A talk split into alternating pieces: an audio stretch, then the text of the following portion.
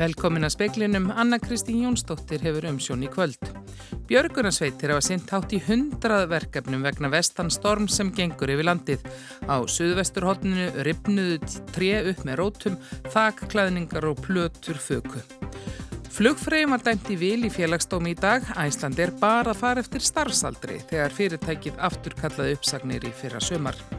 Nýjar sótvarnareglu liðka mjög fyrir skólastarfi en formaði félags grunnskólakennara segir að stór hópur sé settur í hættu. Hermenn voru kallaðir út í Greiklandi til aðstóða bílstjóra sem lendi í vandraðum vegna snjóa og alþjóðaflugöldunum í Istanbul í Tyrklandi var lokað í sólarring vegna fannferkis. Liðsafnaður rússa við landamæri Úkrænu síðustu vikur hefur allt annan og tilgang en sami liðsafnaður hafði í fyrra vor segi sérfræðingur í alþjóðamálum sem hefur ekki trúa á rússar hætti á innrás. Það gekk vestanstormur yfir landið sunnan og vestanvert í dag með miklu hvasveðri. Appelsínugular veður viðvarnir eru enni gildi en það búist að veðri færist austar þegar líður á kvöldið og það bæti mjög í vind þar. Bjarni Pétur Jónsson, hvar var nú veðri vest í dag? Það var vest hérna á suðvesturhóttunum með suðuströndinni og er að færast austar núna og þar er víða slemt viður og fjallugum. Það er búið að loka auksnadalsheiði, þar er flutningabíl sem þverjar veginn og líklegt að veginu verði alveg lokað í kvöld. Og það er það eru hlýjindi með þessu þannig að það er snjóflóðahætta eh, bæði í Ólusverðanúla og svo er óvusustig fyrir vestan í Súðaukulíð vegna snjóflóðahættu. En Rókið var langt mest hérna á Súðvesturhóndinu og óvinnu kvast í eh, þessari vestanátt flest útköll, björgunarsveita voru vegna þakklaðninga þakkplatnafjúka og þetta voru um hundrað útköll. Flest á höfbrukarsvæðinu, Suðunisjum og í Vestmannegjum bara núna rétt fyrir fréttir en það er svona uh, farið að draga úr þessu. Ég talaði við uh, Davíð Már Bjarnarsson hjá Landsbjörg núna setjapartin. Þessi verkefni eru svona verkefni sem við konumst við í þessu veðri. Þetta er svona fóktengd verkefni, lausamunur og þess aftar en það var væntala því að þetta er svona óvinni sérstak uh, vindátt núna þá höfum við verið að sjá kannski svona yfir meiri verkefni tengt þakklæmingum og þakkflutum sem eru að losna eða að byrja að fjúka. Solveig Klara Ragnarstóttir fréttamaður, hún hitt á Einar Danielsson í aðgerastjórn Björgunarsveitan á höfuborgarsvæðinu í Vestubænum setnipartin. Þar var rókið einna mest. Dagurinn hefur bara gengið mjög vel myndi ég segja með við allt og allt. Er, verkefnin hafi ekki verið allt og mörg og verið alveg, alveg viðráðanlegt. Hvernig útgöld er þetta aðala? Mest er þetta þakklötur, já, það er hlættum og jú, eitt trampolín var á ferðinni. Það er alltaf eitthvað trampolín? Já, alltaf eitthvað trampolín. Og hvar eru útgöldin helst? Þau eru bara dreifðum alla borg en það er jú óvanlega mikið hérna vesturbænum myndi ég segja. En Jú, jú, maður lærði hérna nýtt orð, stinguröstin, eh, skilt mér þetta heiti, þessi vestanátt sem að stingur sér inn núna. Sagði Einar Danielsson. Félagsdómur dæmt í dag flugfræðufélag Íslands í vil í ágreiningi við Æslandir. Máli snýrst um það hvort að starfsaldur ætti að ráða þegar Æslandir endur réð flugfræður sem sagt hafi verið upp starfi fyrir tveimur árum. Guðlaug Lína Jóhannsdóttir, formaður flugfræðufélagin félagsins, fagnar þessari niðurstöðu. Um 70 flugfræðir töldu að Æslandir hefði sniðgengiðar þegar félagið endur réð hlutaðira sem sagt var upp starfi. Guðlaug Lína segir að nú verið farið við dómin með stjórn og lögmönnum flugfræðu félagsins og næstu skref svo ákveðin. En nýja reglur um sótkví taka gildi á miðnætti þannig að fjölmarkir geta mætt til skóla og vinnu á morgun sem hefði alltaf ekki getað. Sviðstjóri fræðslusviðs Akureyra-bæjar segir að ef hjarð ónæmi eigi að nást í samfélaginu sé aðilegt að skólafólk taki þátt í því eins og aðrir. Karl Frímansson, sviðstjóri fræðslusviðs Akureyra-bæjar, segir að hægt hafi verið að halda grunnskólum bæjarins opnum í janúar þrátt fyrir mjög mörg smitt. Um 16% barna á grunnskólaaldri eru nú í einangrun eða sótt kví á akkuriri. Nú eru komnar þessar nýju reglur. Það lítur að breyta talsvert miklu í, í starfi skóla og skólastjórnunda. Já, reglurna breyta því að, að þau börn sem eru útsett fyrir COVID utan heimilis og eru nú þegar í sótkví, þau þurfu ekki lengur að vera í sótkví frá og með miðnætti.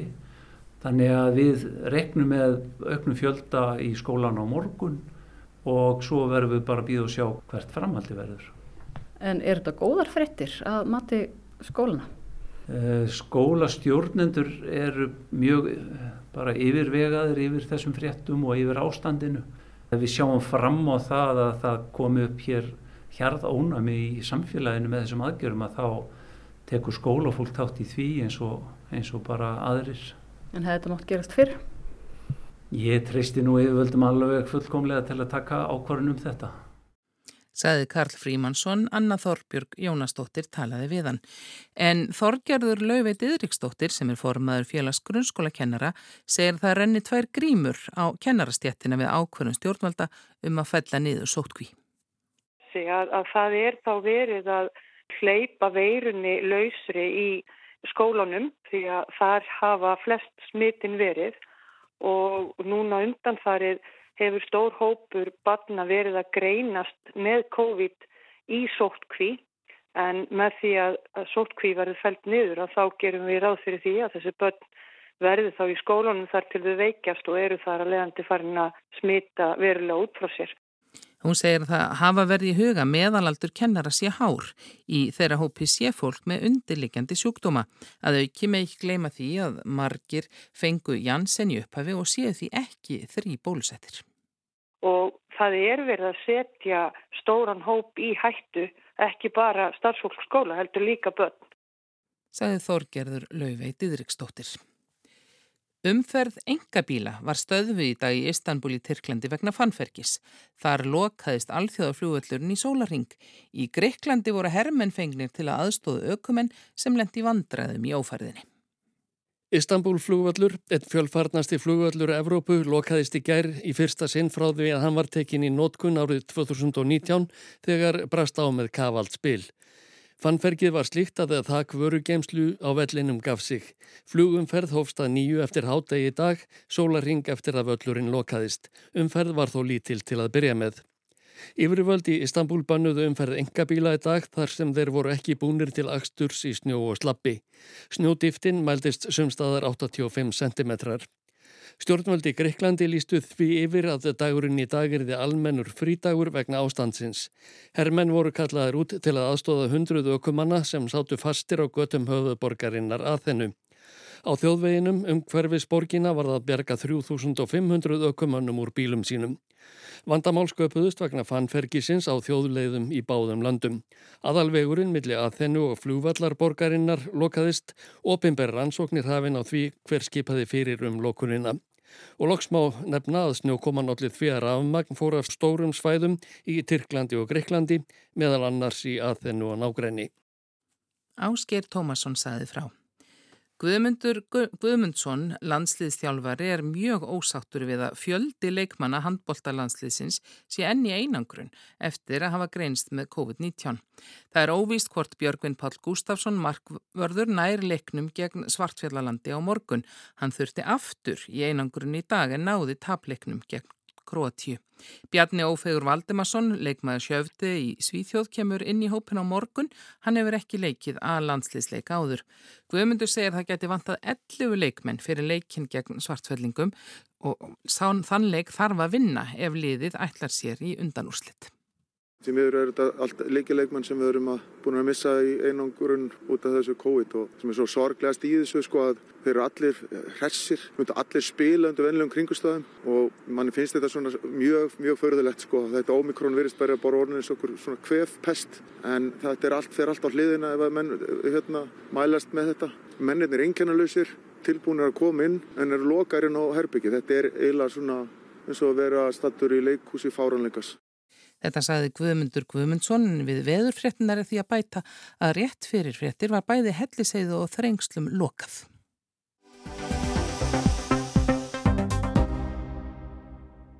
Spenna fer vaksandi við landamæri Úkræn og Rúslands. Um 130.000 rúsneskir hermenn eru við landamærin og segjum á þeir nánast umkringi landið úr norðri, suðri og austri. Allandsafsbandalaði íhugar að senda sérstakar bardagarsveitir til suðaustuluta Evrópu og hefur sett hersveitir í viðbrástöðu. Framkvæmdastjóri bandalagsins aði gæra þar á bæværum en reyðubúnir að gera það sem þyrti til að tryggja öryggi Úkræn og Evrópu. Nokkur þúsund hermen NATO-ríkja eru í Eistrasaltsríkjanum og Pólandi og 8500 bandarískir hermen eru í viðbrastöðu. Þegar fréttir berast af slíkum liðsafnaði er óhjákvæmlegt að segja að spennan magnist enn, en er eitthvað öðruvísi nú en hefur verið undanfarnu misseri.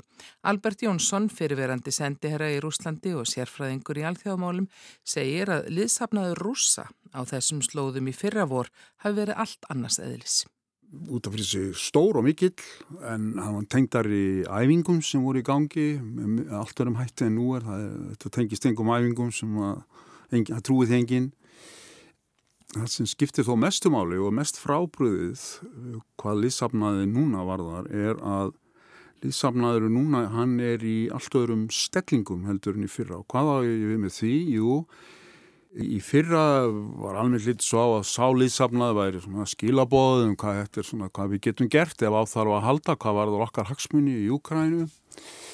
Þegar menn horfa á, sko, á, á hvern enkenni liðsafnaðarins, að þá ber hann þau enkenni að það er eh, verið að koma honum fyrir með allt örum hætti. Það er verið að kalla til varalið, það hefur verið að flytja elsneiti, það hefur verið að koma fyrir loftörnum, það hefur verið að með ýmsum hættur, alls konar eh, vísbendingar sem að sérfræðingar horfa á í þessu efni, með allt örum hætti staðið að þessu en áður, sem þýðir það ef sá undirbúningur heldur áfram að á næstu vikum, þeir eru ekki tilbúinir það er almennt litið svo á eins og ég sé það, en á næstu vikum þá muni þessi liðsafnaður, þessi herr verða tilbúin til aðgerða gegn Úkrænu og já og þá með skömmum fyrirvara. Þetta er svona staðan og þetta er mjög frábröð stöðinu eins og var í fyrra vor og þar með er líka frábröð stöðinu í fyrra vor að vantanlega og augljóslega e, líta stjórnarherrar í Moskú svo á að það sé miklu meira í húfi fyrir Úsland og þessu sinni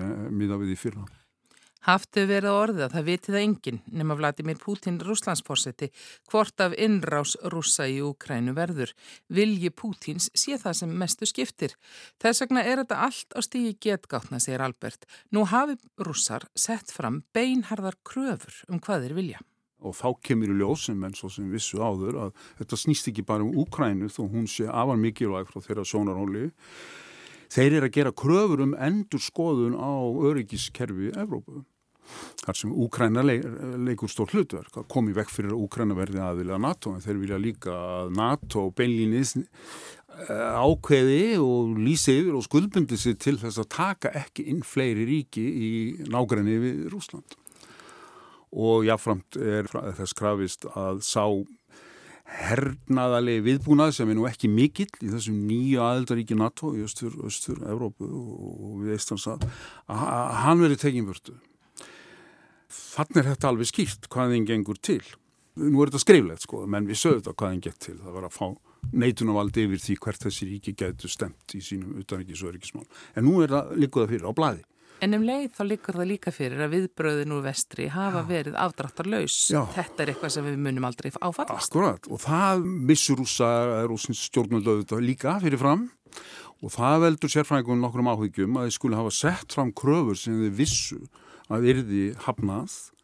Og líka þetta er allt gert fyrir ofnum tjöldum, sko, þú ætlar að ná einhverjum árangur og þoka áfram er, erfiðum samningavíraðum og, og erfiðum málum, þá gerir það ekki svona. Þú gerir það ekki ofinbeglega, þú reynir þá eitthvað samtöl og í róliheitum í trúnaði hvað það er en, en að setja fram ídrustu kröfur gera það með þessum ofinbegla hætti það segir mörgum já, það er engin meining bak þetta. Þetta er bara verið að leita afsökun fyrir að ráðast inn í Úkrænum sko kröfunar eins og ég segi það er, það er sína að þetta snýst ekki bara um Úkræn, þetta er miklu stærra mál og þá ef maður spekulerar, þetta er alltaf spekulatífu stíði, að þá líta kremlar herrar svo á að það sé vaksandi hætt á því að stefni það að Úkræna gangi þeim úr greipum einhverjum hætti og vantarlega horfa til þess að NATO er að senda Úkrænu vopn og NATO er með og NATO ríki er með hernaðar ákjafa í vaksandi mæli í Úkrænu og svo framvegis og, og vantanlega líta menn í Moskú svo á, já, þetta er bara enn eitt dæmið og, og, og undistryka hvernig NATO er alltaf nálgast okkur meira og meira og það er óásættanlegt fyrir okkur frá sjónarhóli rúsneskra örgishagsmuna og frá sjónarhóli rúsneskra áhrifa og valda í Evrópu. Þetta, er ó, bara, þetta sé að vera óásættanlegt fyrir okkur. Rússar finna alveg fyrir þeim efnagslegu refsiðagerðum sem gripið var til eftir innlimun krímskaga en þær hafa ekki haggað Pútín eða orðið til þess að rússar gef eftir. Það lárendar fyrir frá upphæfi að efnagsþvinganir myndu aldrei breyta stefnu Rúsland, segir Albert. Rússar óttist að Úkræna sé að ganga þeim úr greipum og áhrif þeirra á staða í Evrópu býðin hekki.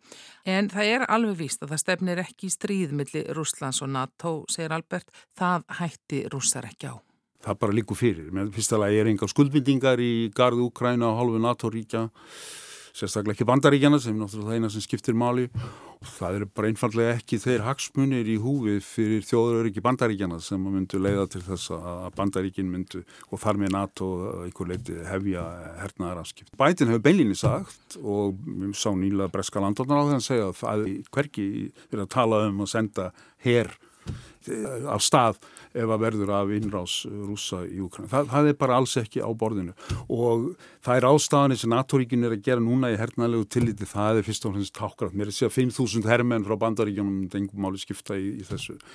Það er ekki partur af því að fæla rúsa frá innrás í Ukraina. Þetta er fyrst og fremst tákrænt sína einingu, sína staðfestu, undistrykka staðfestu og almennar skuldbindingar varðandi, varðandi öryggi Evróp. Refsi aðgerðnar koma minnst við bandaríkinn.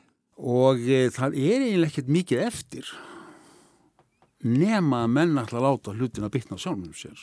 Rússar hafa auðvitað heilmikil tök í gegnum útflutning á gasi og þá eru að tala um Evrópu, ekki bandaríkin. Útflutningur á gasi til Evrópu skiptir bandaríkin ekki máli nema því leiti til ef að verulegar hömlur verða á honum af einhverju ástöð. Núna erum við að tala um að völdum þess að, að það verður strímill í Úkræn og Rúslands að þá myndi það leiða vantarlega til hækkana og verði á olíu í bandaríkjónum líka, nú þegar 7% verðbólka í bandaríkjónum og orkuverði sá nýlega í Þýskalandi hækkan 400% í vetur. Það er alveg víst að ef til átaka kemur millir Úslands og Úkrænum og Vesturland verða auðvitað bræðast við NATO-ríkin og Európa-ríkin og eina sem þeir hafa eru þá að herða efnahagstinganir en það eru það í því efni nema menn vilji leggja sjálfa sig mikla fórnir. Það mun reyna gífulega á samhælni og einingu Európaríkjana sérstaklega. Aðild Íslands að Allansámsbandalæginu eru þetta greinilegust á öryggisvæðin og keflavíkuflugulli. Ferðir bandarískra kafbótalittar og eftirlitsflugvila sem hafa þar tímabunna viðveru hafa ekki aðtiklu upp á síðkastið. Á síðustu vikum eða fram frá því milli jól og nýja árs og fram til cirka 20. janúar þá var flóið, flugur svona vélar að heitum á daglega frá keflaguflugvelli og yfir Eistarsald. Hvort að það tengist, tengist spennunni í sambandi í Úkrænu veit ég ekki.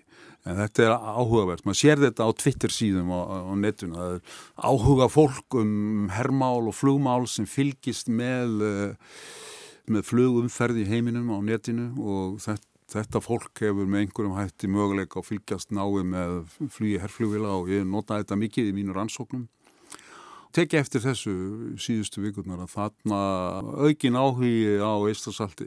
Hvers vegna þið gerir þetta frá keflaguflugvelli, ég er ekki alveg viss en uh, ég held að sé samtvegna þess að það er, það er bara mjög mikið að gera á, á flugvelli í Skotlandi sem þið myndu annars nota vegna þess að breytar er að taka svona flugvilar í notkun og bandaríkjaman hafa í hyggju að bæta sína aðstöð á þessum flugvelli í Skotlandi en þeir hafi ekki gert það ennþá þannig að það kann að vera skýringin af því af hverju þeir að fara allarleið frá Íslandi til Eistarsalts og þetta er laungleið og ég sé stundum er þeir að taka elsneiti frá elsendisflutningafótum sem að koma frá Breitlandi hvort að þetta tengist Ukrænumálunu veit ég auðvitað ekki og þetta hætti um 20. janúar þá fóru þeir að fylgjast með rústenskum herskipin sem voru leiðinu út úr Eistarsalti og eru núna komin til Gibraltar og leiðinu í Miðrahaf, hvað sem svo ferðinni heitir og annað sem þess flugvelar er að fylgjast núna með frá keflaguflugvelli á hverjum degi er ja, undibúningur fyrir að flottæfingu sem rússar hafa tilkynnt að þeir ætla að, að, að hefja eftir nokkra daga suðvestur á Írlandi.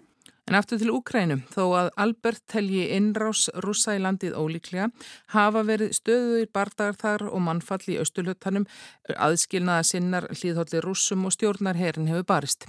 Og þetta líta Úkrænum en ekki svo að sé fríður í þeirra landi.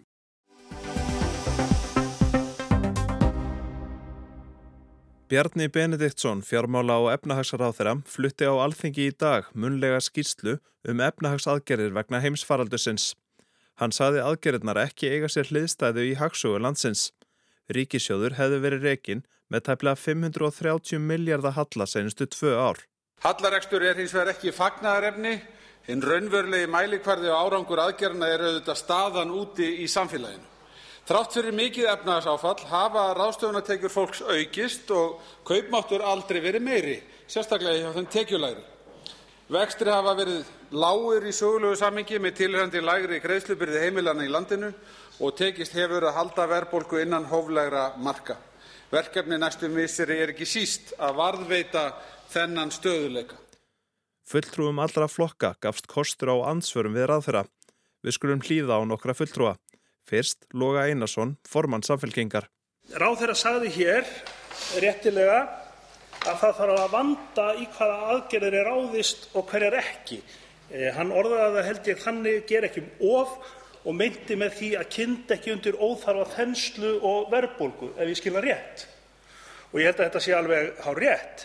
En í framhald af því langar mig þá að spurja hvort að hæstvirtur ráð þeirra telji að framlenging á átakinu Allir vinna, sem gæti kostað um 8 milljarða króna, flokkist kannski undir slíka óþarfa örvun til atvinnugreinar eh, sem þarf ekki á því að halda og til óþarfa neyslu almennings. Allir vinna endurgreiðslu fyrirkomulagið á virðisaukaskatti hefur reynst ágætlega en það er engin spurning að að með þeim miklu fjármunum sem ákveðið var að verja inn í það átak hérna undir lok árs þá er verið að auka eftirspurn í samfélaginu. Það er engin spurning.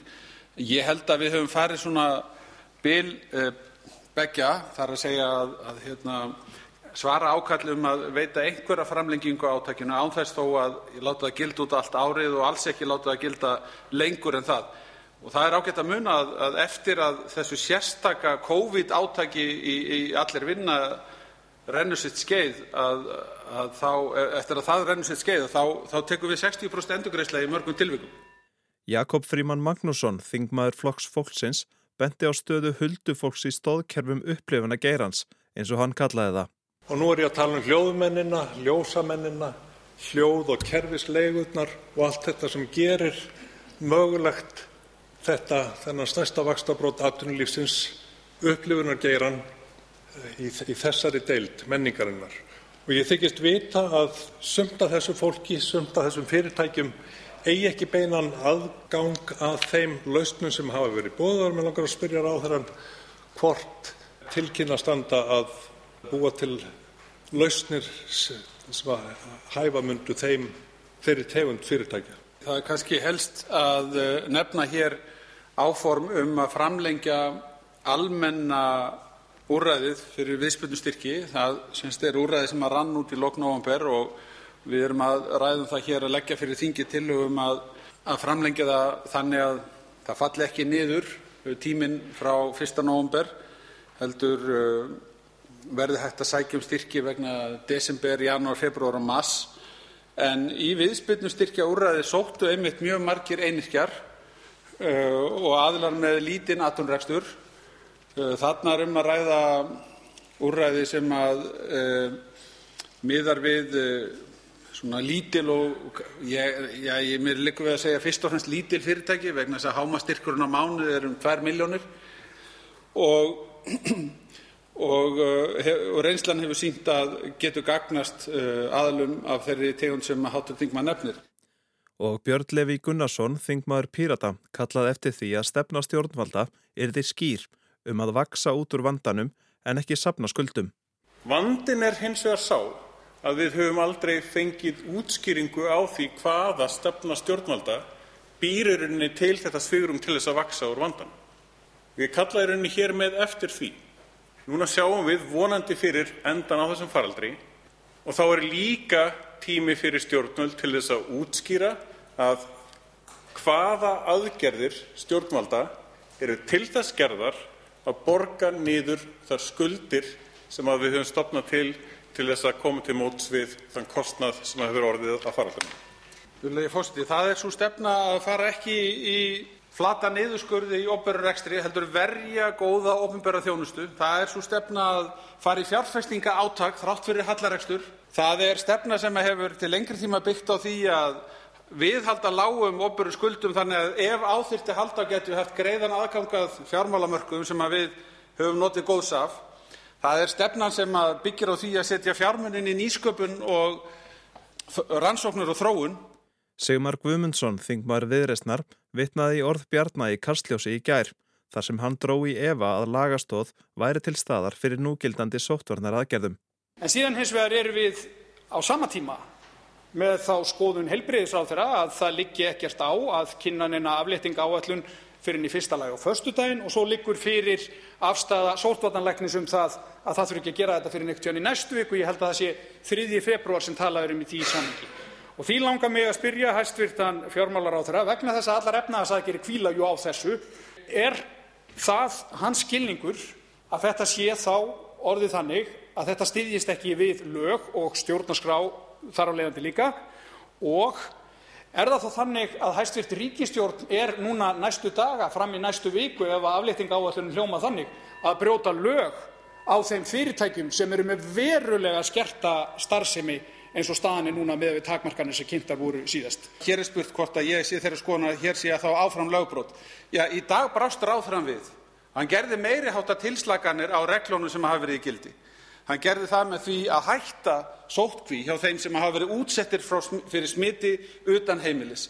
Það er ekki annað að segja en það sé eh, viðbragð við þeim uh, upplýsingum sem við nú höfum og svo er boðað hérna síðar í þessari sömu viku að stíga frekari skref. Þannig ég tel að ráðherrann hafi brugðist við. Það er síðan alltaf álitamál hvort að í hvað rauðhlutinir eiga að gerast. Þegar er verið að þrengja svona mjög að réttindum sem að eru varin í stjórnarskrá að þá ætti að fara fram um það meiri umræðu þinginu og best færi á því að tillögurnar eru lagðar fyrir þingið til afgreiðslu. Til dæmis þingsályktun kæmi hér fyrir sem verður afgreitt í einni atkvæðagreiðslu, í einni umræðu og atkvæðagreiðslu.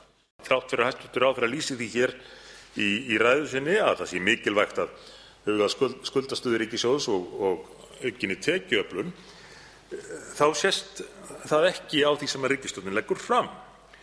Nú þegar gert var ráð fyrir að farið yrði að aflétta hindrunum vegna faraldursins og að hagvöxtur myndi aukast töluvert þá engu að síður gerir þessi ríkisstjórn ráð fyrir viðvarandi hallarekstri ríkisins.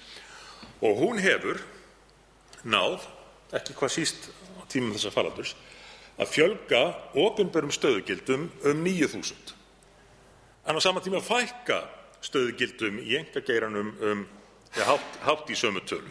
Teljum bara hausana þá er talan ekki 9.000 heldur 7.300 og þegar við skoðum aðeins dýbra og spyrjum okkur eru þetta 7.300 einstaklingar í fullu starfi? Þá er það nú ekki heldur eru ársverkin 4.800 sem er þá orðin svona um það byrj helmingurinn af tölunni sem er í umræðinni og þegar við skoðum síðan þá tölu 4.800 og spyrjum hversu margir eru þetta sem að starfa hjá ríkinu á móti sveitafélagunum að þá kemur ljósa meirlutinni hjá sveitafélagunum Þannig að fjölgunin er ekki þetta mikil hjá ríkinu. Saði Bjarni Bendiktsson og Alþingi dag, Bjarni Rúnarsson tók saman. Veður það verður vestanátt 20 til 28 metrar sunnan til á landin og jél en hvessir austanlands undir kvöld. Hægari vindur í öðrum landslutum en meiri úrkoma. Það kólnar í veðri, lægir vestan til í kvöld en austan til sent í nótt. Hæglættis veður verður á morgun, frostabilinu 2 til 10 stygg, kaldast í innsveitum á norðausturlandi. Það var helst í fréttum að Öksnandalsheiði, Helliseiði og Þrengslum hefur verið lokað vegna veðurs og Björgunarsveitir hafa synt um hundra verkefnum vegna vestanstormsins sem gengur yfir landið. Flugfreyjum var dæmt í vil í félagsdómi í dag. Æsland er bara að fara eftir starfsaldri þegar fyrirtækið afturkallaði uppsagnir í fyrra sumar. Nýjar sóttvarnarreglur liðka mjög fyrir skólastarfi en formaður félags grunnskólakennara segir að stór hópur sé settur í hættu. Hermenn voru kallaður út í Greiklandi til að hjálpa bílstjórum sem lendi í vandraðum vegna snjóa og alþjóðaflúvöllurinn í Istanbul í Tyrklandi lokaðist í sólarring vegna fannferkis. Það er ekki fleira í spekli kvöldsins, tæknumæður í útsendingu var Mark Aldred veriði sæl.